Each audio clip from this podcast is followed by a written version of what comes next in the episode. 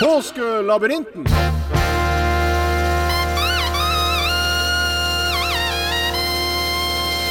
P1 Skattejakt.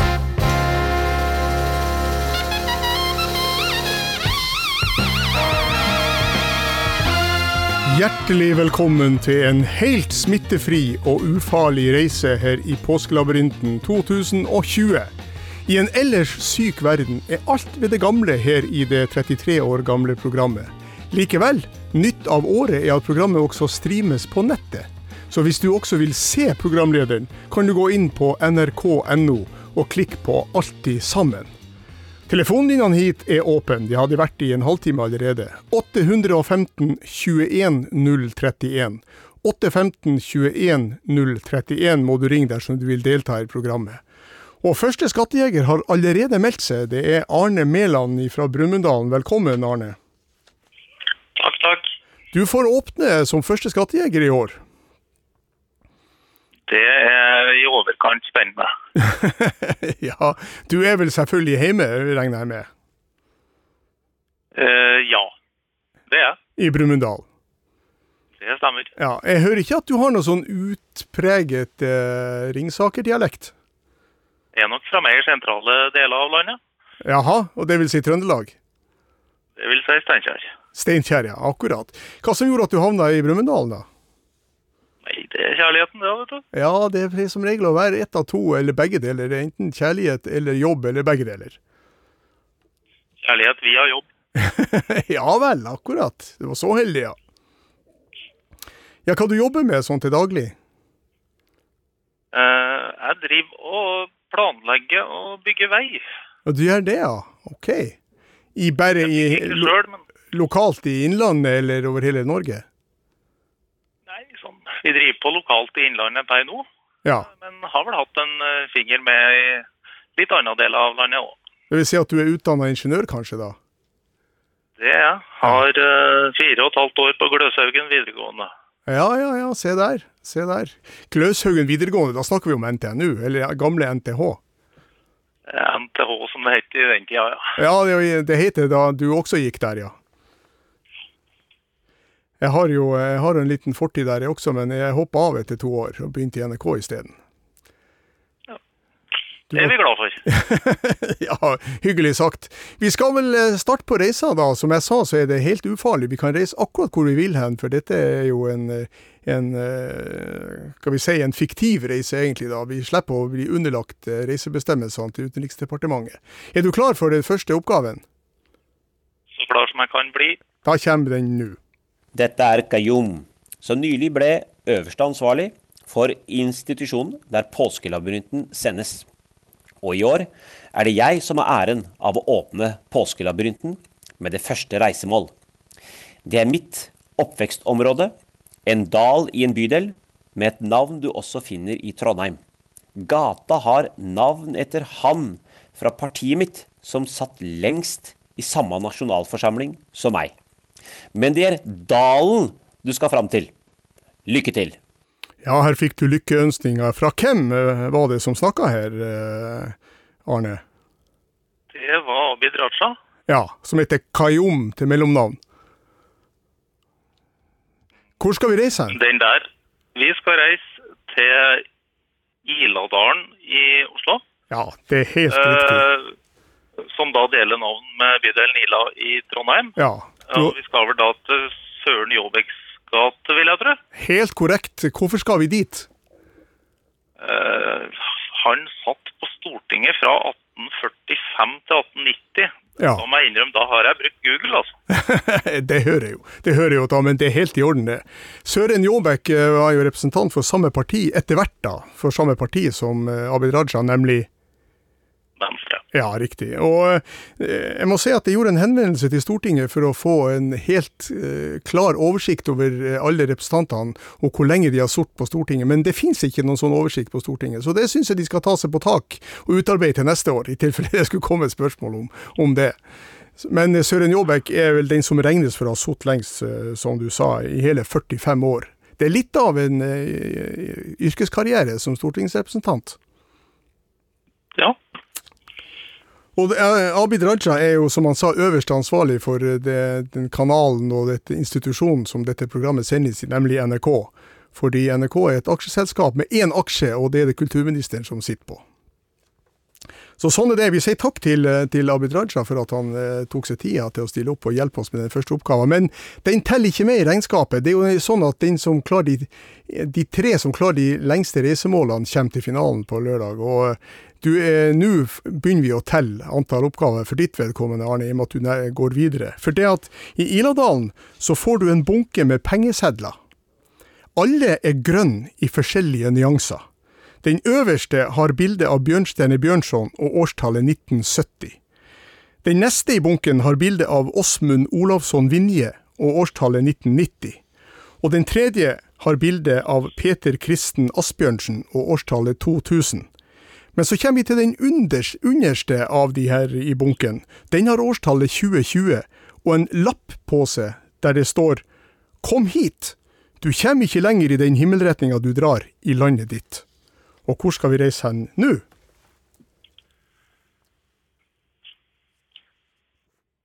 Jeg er spent på resonnementet ditt. Ja, altså Resonnementet blir jo altså det Vi snakker jo om 50-lappen. Ja, det gjør vi.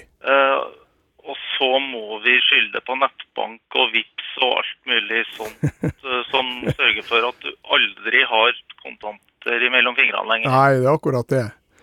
Ikke desto mindre så er det gangbart, gangbart i dag med, med cash. Det, er det, men uh, altså er noe, det er jo noe fiskemotiv på 200-lappen i hvert fall, og 100-lappen, tror jeg. Ja, at du har litt større pengesedler du som ingeniør, vet du. ja, det var det. Ja. Men eh, vi, vi, kan jo ta fatt i det siste som sto på lappen her. Du kommer ikke lenger i den himmelretninga du drar i landet ditt. Hvilken himmelretning skal vi dra i, tror du? Nei, Hvis vi drar nordover, eh, så, så kommer vi jo til Nordkapp. Ja. Uh, men uh, Skjønt du, nei, altså, skjønt, nei, skjønt du kommer lenger altså, nord enn Nordkapp, for å si det sånn? Ja, du kommer på Knivskjellodden, ja, uh, som ligger litt lenger. Men i og med at det er maritimt på det meste, da må han bare ta en sjanse her. Ja. Og så må han tippe på sør, kanskje. Sør, OK? Uh, men uh, Og da kommer du Da kommer du til et, uh, til et fyr. Ja, hvilket fyr? nei, Lindesnes. Ja. Det ligger et fyr på Lindesnes, og da er du ganske langt sør i landet. Det har du helt rett i. Men vil du reise dit? Nei, det det kan jo være eh, en annen retning. Det kan jo ligge noe fyr i vest òg. Ja, det kan det absolutt gjøre. Hva vil du velge, da? Nei, Da tenker jeg i og med at du ikke, sa, ikke kom noe svar på, på, på, sør, så da må det bli vest. Og da vil du reise til? Så er det tipsene som kommer inn. Jeg vet ikke om det kan defineres som juks. men da... Nei da, det kan ikke defineres som juks. Om ut, utvær fyr. Hvor ligger det hen? Nei, Det ligger det lengst vest i Norge. da. Ja, det er helt rett. Vil du reise dit? Ja. Ja, og Hovedårsaken til at vi skal dit, er jo at det er det som er gjengitt på 50-kroneseddelen, den nye 50-kroneseddelen. Nemlig Utvær fyr i Solund. Og Da kommer jeg opp på kartet her, ja, så da kommer vi ganske langt vest, jo. Ja, det er det. Da er Vet du hva det vestligste punktet het, sånn, eh, hvis vi ser bort fra fastlandet, da, hvis vi tar med oss noen øyer og småskjær òg? Da, da, må jeg innrømme litt, da er jeg litt kartnerd, da, så da, det, står ikke noe, det står ikke noe punkt, det står ikke noe navn på det kartet jeg har her. Men det er på Steinsøyene antakeligvis. Ja, ja, ja. Det er noe som heter Holmebåen, som er det litt vestligste punktet i eh, Steinsøy, som er den vestligste punktet i Norge, rett og slett. I Solund. Og Utvær fyr det er jo gjengitt, som jeg sa, på 50-kroneseddelen. Og i tillegg så er det også lyssignalet fra dette fyret er også gjengitt på, på seddelen. Så eh, du kom fram med litt hjelp da, riktignok, men du har klart det første reisemålet sånn offisielt i årets påskelabyrint. Er du klar til å reise videre? Ja, jeg må vel være det. Ja, for når vi kommer til Utvær, så hører du det her. Hei, dette er kommunalminister Nikolai Astrup med årets kommunelabyrint. Alle kommunene du skal besøke, har nytt navn som ikke inngår i de gamle kommunenes navn. Lykke til! Ja, det var kommunalminister Nikolai Astrup, det, og han skal vi møte ganske mange ganger i løpet av labyrinten, forhåpentligvis. Og han fortalte at du skal altså fram til en ny kommune med et navn som ikke inngår i eh, navnet på de kommunene som den har blitt sammenslått av. Og den første du skal besøke, det er en sammenslutning av fem tidligere kommuner. Kommunens navn inneholder navnet på det gamle fylket kommunen lå i, men som nå er forsvunnet. Gjennom kommunen renner ei stor elv, og her finner du også en gjennomgående jernbanestrekning og en europavei. Herfra kom en nylig avgått riksjurist og en reggae-admiral.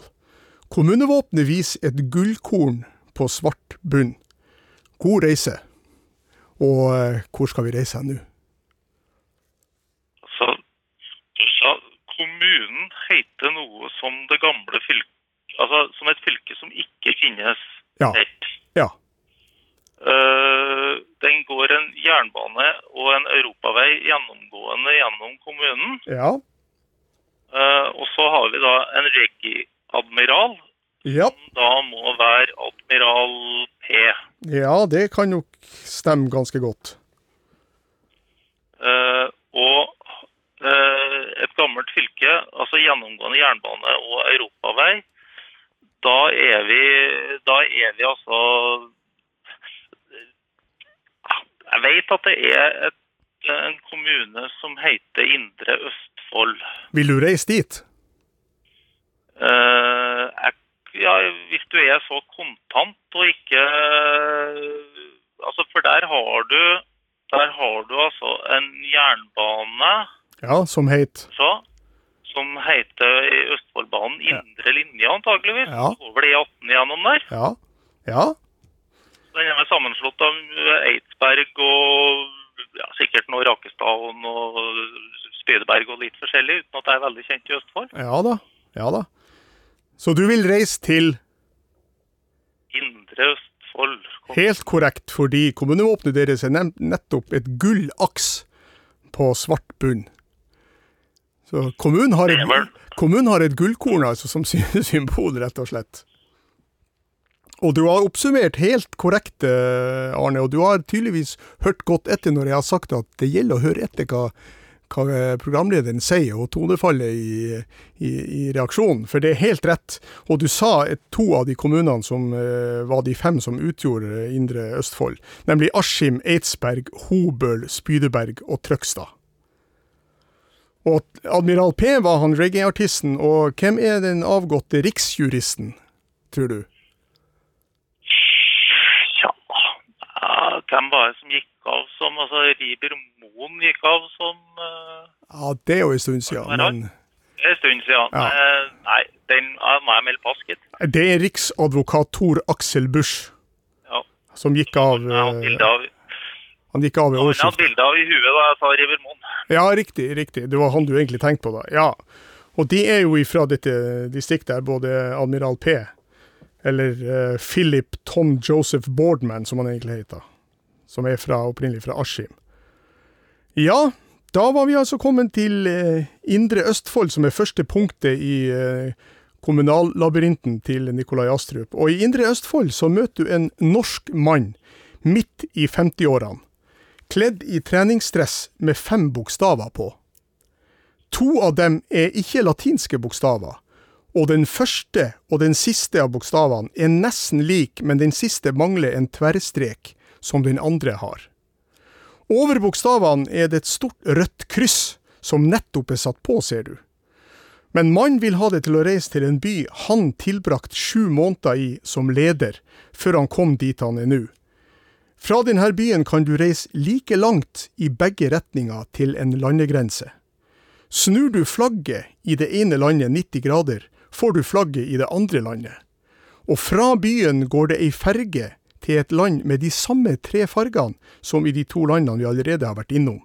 Men da må du reise i stikk motsatt retning, himmelretning altså, enn det bynavnet tilsier. Hvor skal vi reise nå? Her var det masse opplysninger, som du skjønner. Ja, her var helt vilt. Skal vi se. Eh, I Indre Østfold så møter du en mann midt i 50-åra som har en treningsdress med fem bokstaver på seg. Ja.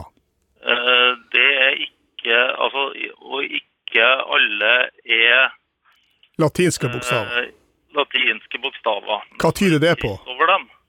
Det tyder jo på at de er Altså, det står jo ikke CCCP, f.eks.. i og med at det er fire.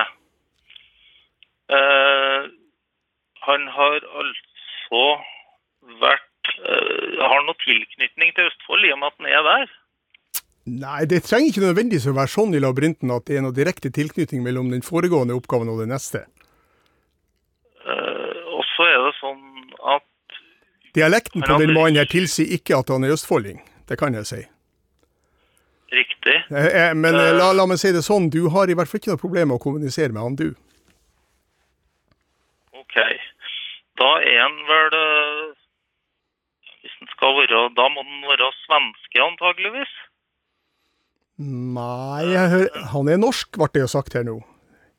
En norsk mann, Ja, midt i 50-åra. norsk mann, det sa du, stemmer det, midt Ja, i 50-åra. ja. Har nei, Da har han altså vært en leder. Da har han kanskje Ja. vært trener, da. Ja, det tror jeg han har.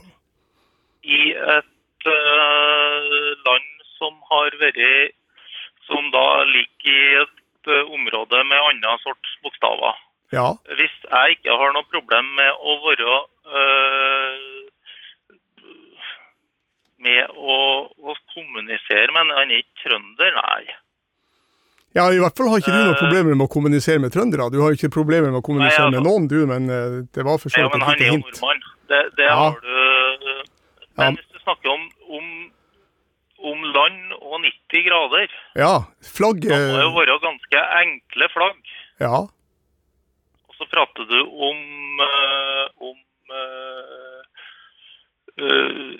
om kyst og ferje. ja. Altså, Polen har jo et ganske enkelt flagg. Men hvilke grenser kan det ligge mellom dersom du kan snu det ene flagget 90 grader og få, og få flagget i det andre landet? Ja, Det var litt komplisert, jeg, er så jeg skal, jeg skal gjenta det jeg sa. Ja. Du skal altså til en by som denne mannen har vært i før han kom dit han eh, møter deg nå, altså. Og eh, ja. I denne byen kan du reise like langt i begge retninger til en landegrense. Og flagget i det ene landet, snur du det 90 grader, får du flagget i det andre landet. Og så går det ei ferge derifra til et tredje land som har samme fargene som de to flaggfargene, eller to flaggene du Da- har allerede vært innom. Da spørs det om jeg er i Belgia. Ja, hvorfor det? Fordi at hvis du, hvis du snur det nederlandske flagget 90 grader, så har du det franske. Ja, det stemmer. Eller motsatt. Ja, det stemmer. Eh, og, og der eh, Der var det jo en eh, Han godeste Kåre Ingebrigtsen var jo en tur nede i Belgia og trente noen vann. Ja, det stemmer. Og du skal altså fram til en by der det går ei ferge til et tredje land med samme farger i flagget som de to du har vært- innom. Og da må du reise i stikk motsatt himmelretning av det landets Nei, i det navnet på byen betegner. Hvis du tar ferge fra Belgia, hvor kommer du hen da? Da kommer du antageligvis til Storbritannia. Ja, og det hvilke flaggfarger er det, det britiske flagget? Nei, det er jo like, like rødt, hvitt og blått, det òg. Ja, og hvilken himmelretning reiser du i fra Belgia for å komme til Storbritannia? Da reiser du litt nord-vestover. Ja, i hvert fall vest. Og hvis du da Hva heter det? Hva heter byen? Da, da heter det Nåstende, antageligvis. Helt riktig, og veldig godt resonnert. Det var helt rett, og der var jo Kåre Ingebrigtsen trener for, for klubben som ligger i Åstende. Hva het klubben som han var trener for etter det, der han eh, riktignok har fått et kryss over navnet på, på ryggen? Vet du at da, da Steinkjer rykka ned til nivå 3 i 1986, så fikk fotballinteressen min en så stor smell at jeg har slutta å følge med. Ja vel, ok, men eh, hvilke, eh, hvilke bokstaver kan det være snakk om, tror du, hvis det ikke er latinske? Ja, det her, er- du har jo klart reisemålet, så det er jo ikke noe stor eh, sak det her. Men han var altså bok. Han var altså på Han var, i, Kypros. han var i Hellas en tur, kanskje? I Ky på, Kypros, på Kypros, ja. Og hvilke bokstaver er det man bruker der? Nei, da er det vel det greske alfabetet som gjelder. Ja, og noen av bokstavene er jo like som det latinske. Han var i en klubb som heter APOL i Nikosia på Kypros. APOL skrives jo på, på gresk da med A som er liken som det latinske, men en annen P, ikke sant? Den som vi bruker som pi i matematikken. Og så er det O og E, og så er det en L som er like som A-en, bare at det mangler en strek. Lambda. Den er en lambda. Ja, riktig. Ja, Ja, nei, men da har vi Den lærte jeg på NTH-skolen, vet du. Ja, de, selvfølgelig gjorde du det. Det lærte vi der begge to. Så uh, han var da i en, eh, en uh, klubb som det er en Apoel er selvfølgelig en forkortelse. Atleticos podosfericos omilos elinon lefkosias. Altså Nikosia til slutt. Ja, vi har altså kommet fram til uh, det tredje reisemålet som du har klart ved siden av uh, inngangsoppgaven. Så da iler vi bare videre i labyrinten, da, Arne. Dette her går jo strålende. Når du kommer til eh, Åstende i Belgia, så treffer du en trivelig mann med trekkspill som sier det her. Hei, jeg heter Petter Andreas, og vi hjelper deg lenger inn i labyrinten. Viggo er som kjent opptatt av gamlehans, og det er vi glad for. Så nå skal vi bruke en gammeldansmelodi som lokkemiddel. Den er skrevet av svensken Albert Brennlund til en film med samme navn rett etter krigen. Eh, Min sambygning Hans Rotmo har spilt den inn på plat eh, da legger han til en utbygging av reisemålet til 1963. I virkeligheten ble det utbygd 35 år tidligere. Og han spiller Gjerdebilåten på plata, men nå skal du få høre Brennlunds original, spilt av orkesteret mitt. En, to, tre, en, to.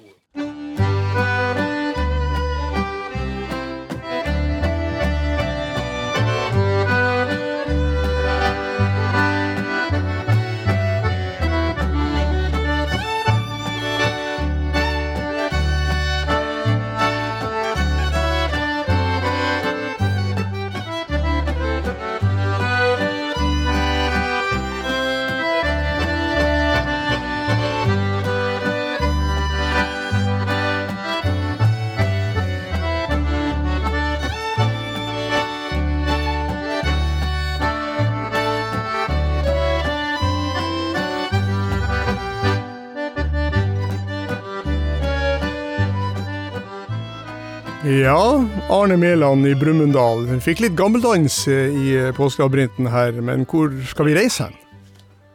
Nei, det der må jo være da Slåtten før utbygginga i 1963. Ja, Ja.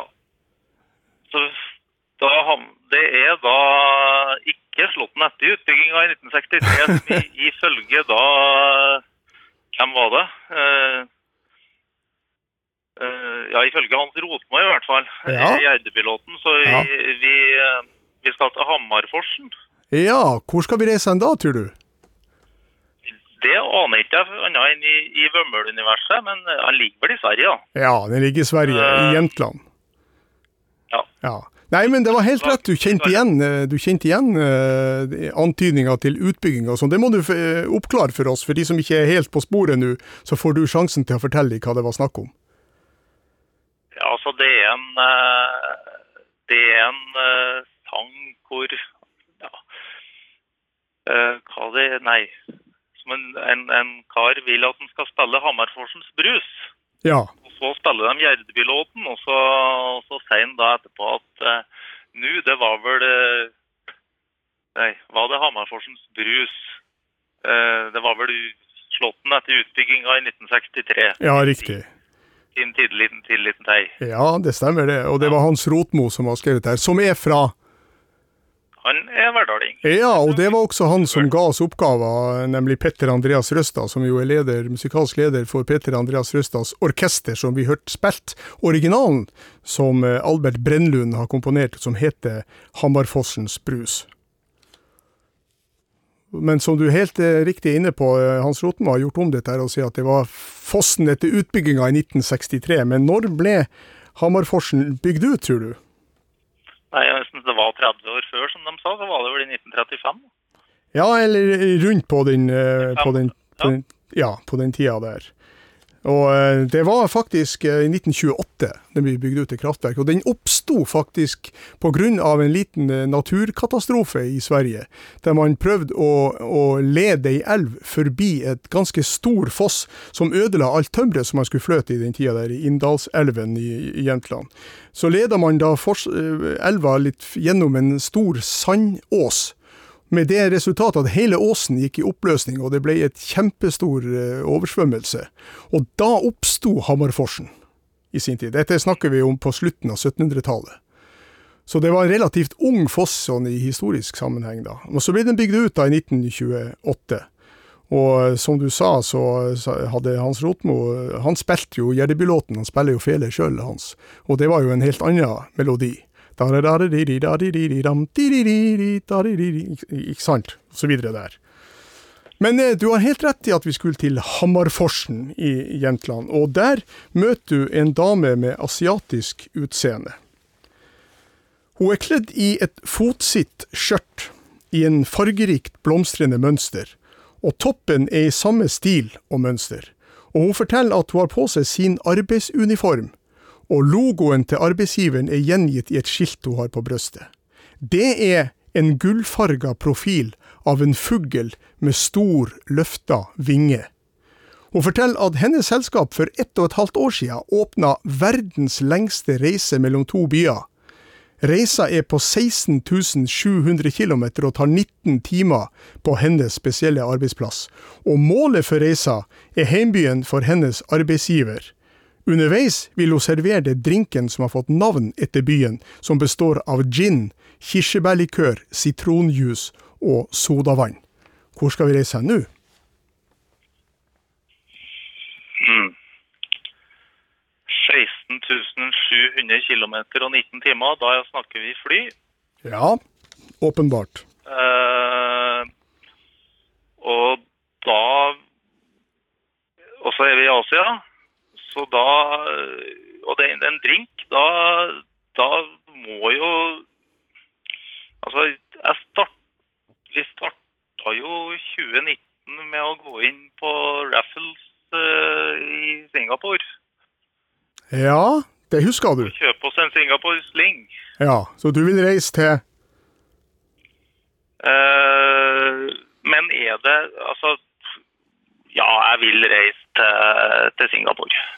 Det er helt rett. Og hvilken eh, arbeidsplass er det denne dama har, og hva slags yrke har hun, tror du? Da er hun nok uh, flyvertinne Purser uh, ja. i Singapore Airlines. Helt riktig, som har denne logoen med denne vingen, som jeg sa. Og eh, Hva er andre punktet for denne lange flyreisa, tror du, når det, er, når det ene punktet er Singapore, som er hovedkontoret for Singapore Airlines? Hvor er det de flyr fra 16, 16 700 km? Da flyr du ca. en fjerdedel rundt jorda. Ja. Uh, ja. Skal vi da si Los Angeles, eller er vi helt til New York? Vi er helt til New York. Den eh, verdens lengste frireise ble gjenåpna mellom New York og Singapore. Den er jo selvfølgelig ikke i drift nå, det skjønner vi jo av åpenbare grunner. Men i oktober 2018 ble denne reisa gjenåpna. Og vi skal, helt som du helt riktig sa, for å få denne drinken som heter Singapore Sling, så skal vi til hvilket hotell? skal vi til Raffles hotell i Singapore. Riktig. Og eh, vi har faktisk vært innom både drinken og eh, reisemålet tidligere, og da var det korrespondenten vår i London, Anette Groth, som satt på direkten og miksa denne drinken, faktisk, i sin tid. Da har du klart seks reisemål, det er imponerende. Du er godt i gang med å kvalifisere til finalen, Arne, men jeg skal ikke gjøre det altfor nervøs. Vi eh, kan hende at at det går skeis igjen. Men vi får se. Vi kommer i hvert fall oss til Singapore, og der møter du en mann med et kjede rundt halsen, med skilt med tre spisser, sølv og blått. Og han presenterer seg som Lars Olav, og vil ha det med til sine hjemtrakter, til et av de mest omtalte geografiske stedene de siste årene. Mange har venta i spenning på det endelige utfallet av en vedvarende situasjon, og mange har måttet finne seg en annen bopel mange ganger. Men for sju måneder siden kom løsninga, og det geografiske stedet forsvant. Du kan besøke området trygt nå, sier Lars Olav. Og det kan du i hvert fall i påskelabyrinten. Du får sannsynligvis ikke lov til å reise dit i, i, sånn i virkeligheten men eh, fra Brumunddal, men du kan gjøre det i påskelabyrinten. Og hvor vil du reise hen? Da, da tror jeg, hvis jeg skal reise dit, så tror jeg jeg setter meg på toget. Ja vel? Og så nordover. Og så hadde jeg bytta tog på Dombås Ja. og reist ned Raumabanen Ja. for å komme til og kikke opp på, på Veslemannen. Helt riktig. Du tok det med en gang at det var det naturfenomenet det var snakk om. Men kommunen, altså du sa at, eh, at eh, ing, altså, kommunalministeren sa at vi ikke skulle besøke noen kommuner som hadde beholdt navnet sitt. Men det var i kommunalministerens egen labyrint, og den er vi ikke inne i nå.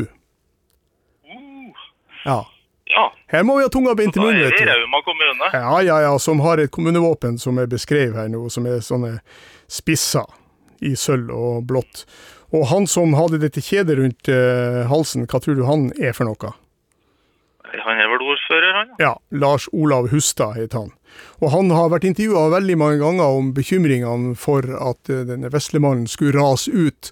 Og beboerne eh, ved foten av dette fjellet har jo måttet flytte og vært evakuert mange ganger. Men det slipper de nå. Så vi reiser til Rauma og til Veslemannen, og da har du altså klart seks reisemål. Og i Romsdalen så skjer det som allerede har skjedd. Hei, dette er kommunalminister Nikolai Astrup med årets kommunelabyrint. Alle kommunene du skal besøke, har nytt navn som ikke inngår i de gamle kommunenes navn. Lykke til! Ja, og det var Petter Andreas Røstads orkester som også spilte her, da, Kåte karer. Men nå skal vi altså til en kommune sammensatt av to tidligere kommuner som begge hadde den nye kommunens navn som siste ledd. Navnet på den nye kommunen ble tatt imot med skepsis av Språkrådet, som syntes det altfor generelt, med ingen historisk forankring. Du kan ikke nå fra den ene enden av kommunen til den andre på landjorda uten å dra innom en nabokommune, men sjøveisforbindelse er det på en strekning som er en av de mest trafikkerte av store turistskip på vei inn til nabokommunen. Kommunen grenser til et nytt fylke, mens det fylket den ligger i, forble uberørt. Her tilbrakte nordlendingen som var en del av Gulljentutten sine første 20 år, og kommunevåpenet forteller om bratte fjellsider og blått hav. Hvor vil du reise nå? Tja, altså begynn med fylket, da. Ja. Som ikke ble sammenslått. Ja. Eh, da er vi en, da er vi antageligvis enten i Møre og Romsdal eller i uh, Rogaland. Ja. Det er rett tenkt. I og med at vi snakker om bratte hav og bratte hav og, og sånt, så er vi på Vestlandet. Ja.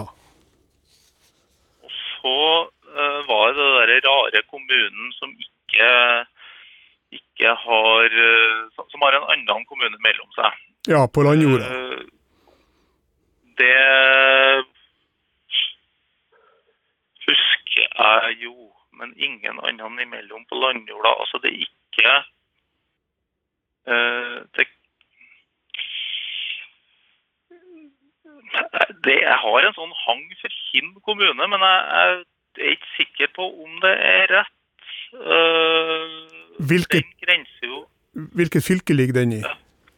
Den ligger i Møre og Romsdal Uh, og grenser jo mot gamle Sogn og Fjordane, eller nå Vestland i sør. Eh, jeg lurer på om det kan være den, eh, men at den ikke henger sammen med seg sjøl, skal jeg å si. Hva er det som er imellom da? Ja, det høres ikke ut som resonnementet er fullført 100% Men du, hvis du vil reise til Kinn, så skal vi selvfølgelig være med på den reisen. Ja, jeg tror vi eh, Skal vi se. Eh, Kinn kommune nå har den eh, Nei, vent, da. Uh... Ja, du må bestemme det nå. nei, jeg lurer på om jeg bom... Altså, hva du sa nå? Du hadde det, var, det siste leddet var Konsentrere kanskje mer om, eh, om dette her med at den ikke har forbindelse på landjorda, men at det er masse turistskip som går forbi på vei til nabokommunen. Du må komme med et svar, Arne. Jeg er nokså streng nå når du har klart Ja. så mange oppgaver også, så må vi sette en strek for det her med at du må komme med et svar. Nei, jeg tror Jeg tror eh,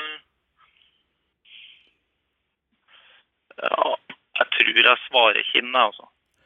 Det var dessverre feil svar. Da var reisa di eh, dessverre over for denne gangen, men eh, du har så klart seks reisemål og har kvalifisert deg for en finale, kanskje. Det får vi se etter hvert som labyrinten skrider fram, det er nokså tidlig å fastslå det. Men tusen takk for reisa, og du er selvfølgelig, eh, sender vi uansett ei T-skjorte til deg som takk for innsatsen, Arne. Ha en riktig fin fortsatt påske.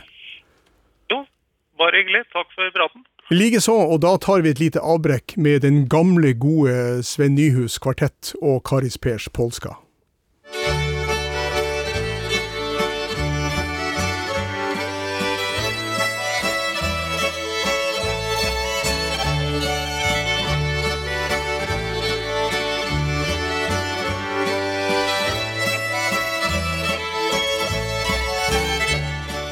Har du hørt at P1 har en jakt for lyttere som har påskevakt på påskefjellet? Har de radio med seg brakt, og telefon kom som ekspressfrakt. Den har de jo ikke satt fram skakt, for nå skal de sette ut i makt alle de planer som ble lagt den gang. De inngikk en pakt før de på frokosten har smakt og spist av de brødene som ble bakt. Kler de på seg en skattejaktdrakt, man må jo vise seg i all sin prakt. Man finner fram en høretrakt, setter seg ned i full andakt og tar imot det tilbud man blir rakt. Her skal det ikke bli noe slakt, de slutter med nummeret i takt. 8, 15, 2, 10, 3, 1 har jeg sagt.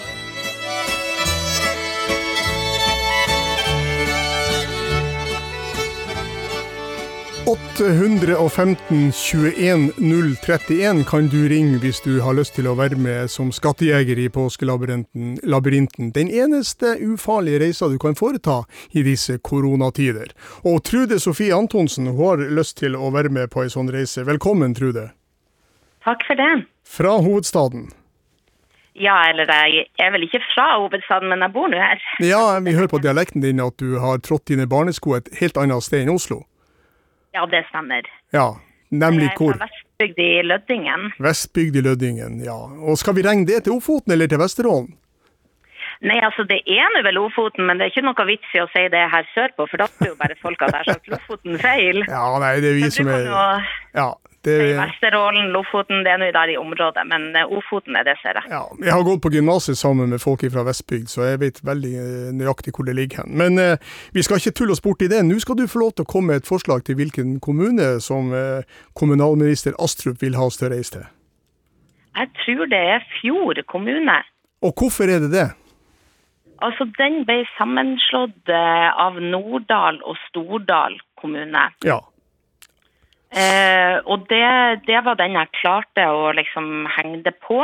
Men eh, ja, Jentuten eh, er jo den her ski... Eh, de som var så gode å gå på ski, de jentene. Ja. Så jeg er Eller damen, da. Så der Ja. har jeg funnet Ingrid Viken. Jeg har ikke klart å få bekrefta om hun er fra en av de kommunene, men Fjord kommune må i hvert fall være et navn som gjør at Språkrådet reagerer litt. Helt korrekt. Helt korrekt. Du har helt rett, det er nemlig den kommunen. Og det var, det var, det var Ingrid Vigene som ga det til navnet Jentuten, hun var trener for dette laget, men det var ikke hun som eh, det var sikta til, det var Inger Aufles. Nettopp. Det var bitte litt før min tid. Ja, ja, hun var jo født i 1941, og Inger Aufles, så bodde i Valldal til hun som 20-åring flytta til Mosjøen og gikk for Kjersteires lag. I hvert fall var det det laget hun gikk for da hun gikk eh, stafetten under OL i Grenoble i 1968, og tok gull. Ja, da var vi altså til fjor, og det er litt spesielt der altså, fordi at eh, du kommer ikke fra den ene delen til den andre delen i kommunen på landsida, altså for det går ikke noe vei, så du må ta eh, båten fatt. Og så er det sånn at den eh, grenser jo til flere fylker òg, denne kommunen her, da. Men fjord er helt rett, og du klarer det første reisemålet i labyrinten. Vi iler videre, for i Fjord kommune så møter du en eh, ung mann som kaller seg Jonas André. Han har på seg en hvit jakke med en fremtredende stjerne på. Han forteller at hans etablissement i fjor ble tatt opp i det gode selskap i hans fag, sammen med et annet etablissement fra samme by.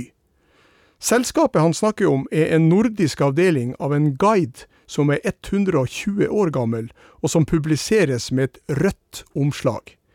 Han vil selvfølgelig ha det med til sitt etablissement, som har navn etter et gammelt ord for å bli glad. Hvor skal vi reise nå? Skal vi se, her var det en del opplysninger, men han, en guide med rødt omslag, og det er det som han har, eh, har grunnlagt, eller han er, hans etablissement. Eh, og Jonas André, sa du. Ja, Um, det er Jeg lurer på om vi er i eh, Og stjerne, da lurer jeg litt på om vi er i Michelin-guide og, og og kokkeverden. ja jeg syns du skal fortsette resonnementet der. Ja, fordi eh, Fagn var jo en sånn Trondheimsrestaurant som fikk, eh, som fikk seks ved besøket. Og så fikk de ei stjerne i Michelin-guiden. Helt korrekt. Sånn at eh, da kan det være Jonas André Nåvik og eh, jeg skulle fram, jeg skulle til hans etablissement, det var Ja, det som der ja. jeg opp. Da tror jeg jo at det kan være restauranten eh, Fagn i Trondheim. Det er helt korrekt. Det er helt riktig resonnert, og du har sagt navnet på han som står bak denne restauranten Fagn, Jonas André Nåvik. Hva het den andre restauranten i Trondheim som fikk eh, stjerne i Michelin-guiden? Husker du det? Jeg husker de ble så tøffe og feira, det var artig å se på dem. Men eh, hva var det den heter igjen? De har så fancy navn, men eh, akkurat det Nei, jeg tror ikke jeg kommer på det. Navnet på den restauranten betyr rett og slett på latin 'jeg tror'. Å, Credo. Ja, helt Ja. riktig. Det var Credo og Fagn som fikk uh, denne stjerna i Michelin-guiden. Og uh, det ble, Den guiden er jo nett, nettopp det som uh, det ligger i ordet. Det er en guide som ble innstifta av brødrene André og Edouard Michelin i 1900 for å hjelpe bilister til å finne veien, få service til bilen og et hotell å overnatte på. Og i 1926 så introduserte man stjerna for å markere god mat. Og den har alltid rødt omslag. Og så er den inndelt nå etter hvert i flere geografiske områder, bl.a. et nordisk. Og i øyeblikket så er det altså åtte restauranter eh, som eh, har stjerner i Norge. Som har enten to eller ei stjerne. Maemo i Oslo har to. Ja, vi reiser til Fagn i, eh, i Trondheim, og på restauranten, som ikke er åpen selvfølgelig akkurat nå, for det er jo sånn i disse tider, men utafor restauranten så møter du en dansk mann som sier at du bør besøke et tilsvarende etablissement, med ei tilsvarende stjerne, men søk ned under bølgene. Her kan du se maten svømme forbi mens du spiser i den, og etab- etablissementet har navn etter en preposisjon som beskriver godt hvor det ligger, avslutter dansken. Dette vet jeg, det er den restauranten som er eller under, eller hvordan eh, man vil legge trykket. Men det er i hvert fall eh, ved Lindesnes, så har de laga en sånn undersjøisk restaurant. Ja, Det må jo være den. ja det må være den, du har helt rett. Hvordan kjenner du til den? Du, jeg, det var på en quiz jeg var på en gang, så var det spørsmål om eh, hvor, hvor i verden det var en restaurant som var under vann. Og da eh, synes jeg da hadde den ikke åpna eller noe, men da ble jeg så nysgjerrig, så da måtte jeg sjekke det ut. Akkurat. Husker du hva dansken het òg som eh, kjøkkensjef der? Og Nei, det, det husker jeg ikke i farta. Nei, det skal du skal ikke forvente at du gjør. Han heter Nikolai Elitsgård. Ja. Og det var han du møtte selvfølgelig utenfor Fagn. Eh, Det er en restaurant altså som ligger under havet, som du sier. eh, Og den er lyssatt, og den tiltrekker seg da fisk og andre sjødyr som man kan studere utenfor glassvinduene mens man spiser. Og det har blitt en stor turistattraksjon. Og ligger altså der som den første skattejegeren var eh, innom aller først når det gjaldt den 50-kronen, og ville reise nemlig til Lindesnes. ja. Ja, da har du klart tre oppgaver i, eh, i labyrinten. Det er ikke verst. Men vi kan, nei, det er artig. vi kan ikke stoppe der, vet du. Vi må dra videre. For på Lindesnes så blir det fortalt at du skal besøke et av Norges eldste sted for bearbeidelse av råvarer. Med virksomheter anlagt av grunnlovsmannen som ble statsråd i kong Christian Fredriks regjeringstid. Her har det blitt laga utstyr som har holdt varmen i mange boliger, men i dag er stedets navn å finne i enhver norsk by med respekt for seg sjøl. Du ser det bare du slår blikket tilstrekkelig ned. Da handelen blomstra som best på dette stedet, tok mange i bruk et spesielt transportmiddel som ble dreven med muskelkraft. På folkemunne fikk en del av bygda navn etter dette transportmiddelet, og der arbeidere bodde, står verdens antagelig største utgave utstilt. Drar du gjennom stedet i dag, blir du enten løfta eller senka ti, sju eller eh, ti eller sju meter i tre etapper, og han som var leder av et politisk parti med hammer og sigd i sju år, var herifra. Hvor vil du reise nå? Oh, det var mange opplysninger å holde styr på, men når du sa se ned og at det er i alle byer, så tenkte jeg på kumlokk. Ja, hvorfor tenkte du på kumlokk? Nei, for det du sa noe om industri og lagting, og, Ja, ja, ja. og jeg, da eh, tenkte jeg kumlokk, og så søkte jeg på kumlokk og støypjern. Så jeg bruker Google her òg, og jeg har noen venner som hjelper meg også. Men jeg lurer på, hvis det er rett spor, så lurer jeg på om det kan være Ulefoss. Vil du reise til Ulefoss? Ulefoss jernverk. Vil du reise dit? Jeg tar sjansen. Helt korrekt. Og det er nettopp det som står på alle kumlokkene i alle byene, så står det Ulefoss. Ja. Ja. Stemmer. Har du kanskje lagt merke til det? Ja, og i Oslo har vi jo de der eh, kumlokkene med, med byvåpenet også. Nettopp. De fleste har jo byvåpenet også med på det, men det står Ulefoss på de. Og eh, hvilket, eh, hvil- hvilket transportmiddel tror du er det som man brukte arbeiderne på Ulefoss i gamle dager, og som står utstilt, utstilt i en kjempestor utgave?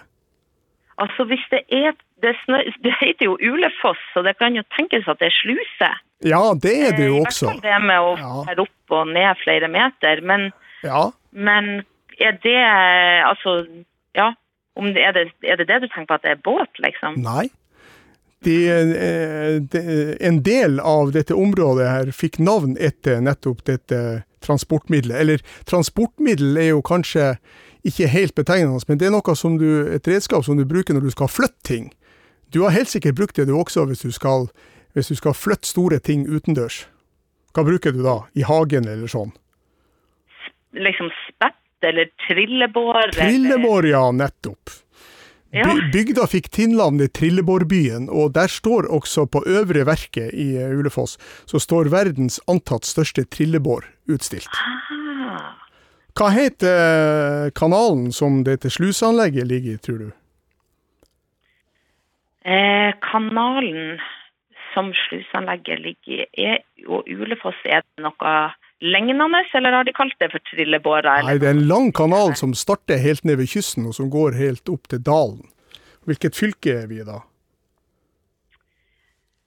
Eh, det er, jeg er ikke sikker. Det er jo jeg Vet jo at de kaller Ulefoss for Trillevårbyen, og det er vel i Vestfold, Mm. eller? Ja, det er for så vidt halvveis rett, fordi at det fylket er sammenslått med Vestfold, men det er jo ikke det, Det som må jo være Telemarkskanalen, i hvert Ja, fall. ja, visst er det vel det. Det er Telemarkskanalen vi snakker om, som går fra Skien opp til Dalen. Og det nye fylket har jo navn eh, Vestfold og Telemark, så du var for så vidt halvveis inne på det, da. Ok. Litt flaks skal man ha. Ja, det er ikke min sterkeste stie med geografi, men det var jo så artig å prøve seg likevel. En ting fikk vi ikke opplyst om. Hvem er det som var eh, leder for et politisk parti med hammer og sigd i sju år, som var herifra? Nei, det er jeg heller ikke sikker på. Men hammer og sigd er jo i hvert fall et kommunistisk tegn. Ja, Så eh, et eh, Ja. Er, finnes det partiet fortsatt? i, ja sannelig om jeg vet om det fins eller om det Det var i hvert fall veldig aktivt rett etter krigen. Hadde det veldig mange representanter Ja. både på Stortinget og i kommunestyrer rundt omkring. Er det sånn Er det Ja, jeg tenker jo på eh, ja, AKP, ML og Nei, ikke AKP, men eh, du bytter ut den første bokstaven eh, Ja, nei, nå blir det gjetting her. Jeg er ute på litt, eh, litt dypt vann nå. Um, Nei da, men det er ikke så farlig, jeg kan si det. Det er Norges Kommunistiske Parti, som var leda Ja. av Martin Gunnar Knutsen fra 1975 til 1982, og han var fra Ulefoss. nettopp, ja. Ja, og det, NKP var jo et eh, sovjettro parti i sin tid. Ja. Ja, det, jeg vet sannelig ikke om det eksisterer ikke. Det kan vi kanskje få engasjere alle de som nå deltar på, på chatten, på, Ja, på nettet, på Alltid sammen, der jo programmet blir streama. Det kan jo eh, være noen som vet det. Ja. Nå sier produsent Eivind Motland at Senere brøyt med partiet. ja, og han Eivind Motland sier at det eksisterer fortsatt. Ja, Ja, det gjør det. da har vi oppklart det. Men vi drar til Ulefoss, vi. Vi skal ikke ta ifra deg muligheten til å kvalifisere til en finale. Du er farlig nært, du har klart fire oppgaver til nå. Og på Ulefoss så møter du ei dame først i 60-årene som sier det her. Hei, jeg heter Ingrid og leder et forvaltningsorgan som skal arbeide for sikkert, miljøvennlig, effektivt og universelt utforma transportsystem her i landet. Like før årsskiftet åpna vi verdens lengste passasje i sitt slag. Den er omtrent en tredjedel av den distansen Feidipides sprang for å varsle om en stor krigsseier om lag 500 år før Kristi fødsel. Passasjen knytter sammen en stor by med et område nordøst i fylket med samme navn, som en visegruppe fra området tok i bruk for vel 40 år siden. Området i byen der passasjen starter, har navn etter et kjæledyr. Passasjen er knytta til ulykkestall. Reis til denne passasjen, for der er spor etter skatten. Lykke til! Ja, lykke til, sa denne dama her. Jeg vet ikke hva slags forvaltningsorgan du tror hun leder. Nei, det var jo noe som hadde med transport å gjøre, i hvert Ja, fall. i høyeste Så grad. eh, jeg vet at det er en Ingrid i Jernbanedirektoratet, eh, så er det In Lise Nei, men det er Lise Ingrid, det, skal vi se. Eh, men vi, vi hadde jo ansvar for både miljø og transport, så det lurer jeg på om det er om det er rett og slett politisk. At det er, at det er et direktorat, kanskje. Men ikke, ikke fordyp deg så mye i akkurat det, for spørsmålet er hvor vi skal reise hen. Det er det viktigste. Hun ga jo en del opplysninger om det. Ja, og ulykkestall, det, da tenker jeg jo 13 i hvert fall. Ja, Eh, men hun snakker om en passasje. Ja, som er en passasje som er verdens lengste i sitt slag. Omtrent en tredel av den distansen Feidipides sprang for å varsle om en stor krigsseier for om lag 500 år før Kristi fødsel. altså, jeg tenkte litt på eh, tunnel. Ja, Jeg tenkte litt om eh, altså, Ulrikstunnelen, men eh, det passer ikke helt med de andre eh, kriteriene. Nei. Eh, men jeg tror i hvert fall det er en tunnel, og så, og så tror jeg jo at 13 er stikkordet Ja. med, med ulykkestallet. Ja, det er Og så var riktig. et område i byen som hadde navn etter kjæledyr. Ja, Eh, 13 er jo et stedsnavn òg. Men hvis det er virkelig en lang tunnel, så tenker jeg jo på Ryfylketunnelen. du vil reise til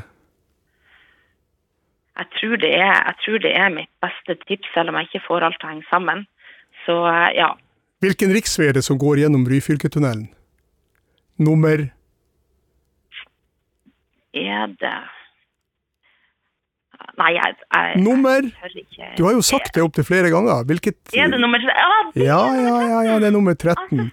Og den går fra Hundvåg i, i Stavanger, ikke sant? Og til Ryfylke, med Ryfylke visegruppe og alt dette her. nettopp. Så du har så klart fem reisemål, Trude Sofie. og Grunnen til at det blir litt sånn hastig i stemmen nå, det er at eh, programmet er snart slutt. Men du får være med også i morgen. Og da skal du slippe å få eh, oppgaven nå, for eh, da har du ikke fått eh, den registrert som riktig oppgave hvis du svarer på den i morgen. Så vi høres i, i morgen klokka 10.05, eh, Trude Sofie. Supert. Takk for at du var med så langt. Bare hyggelig.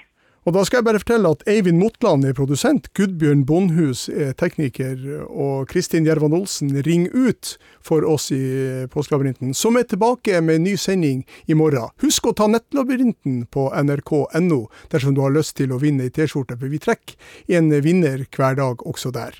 Takk for i dag, og ha en fortsatt god mandag.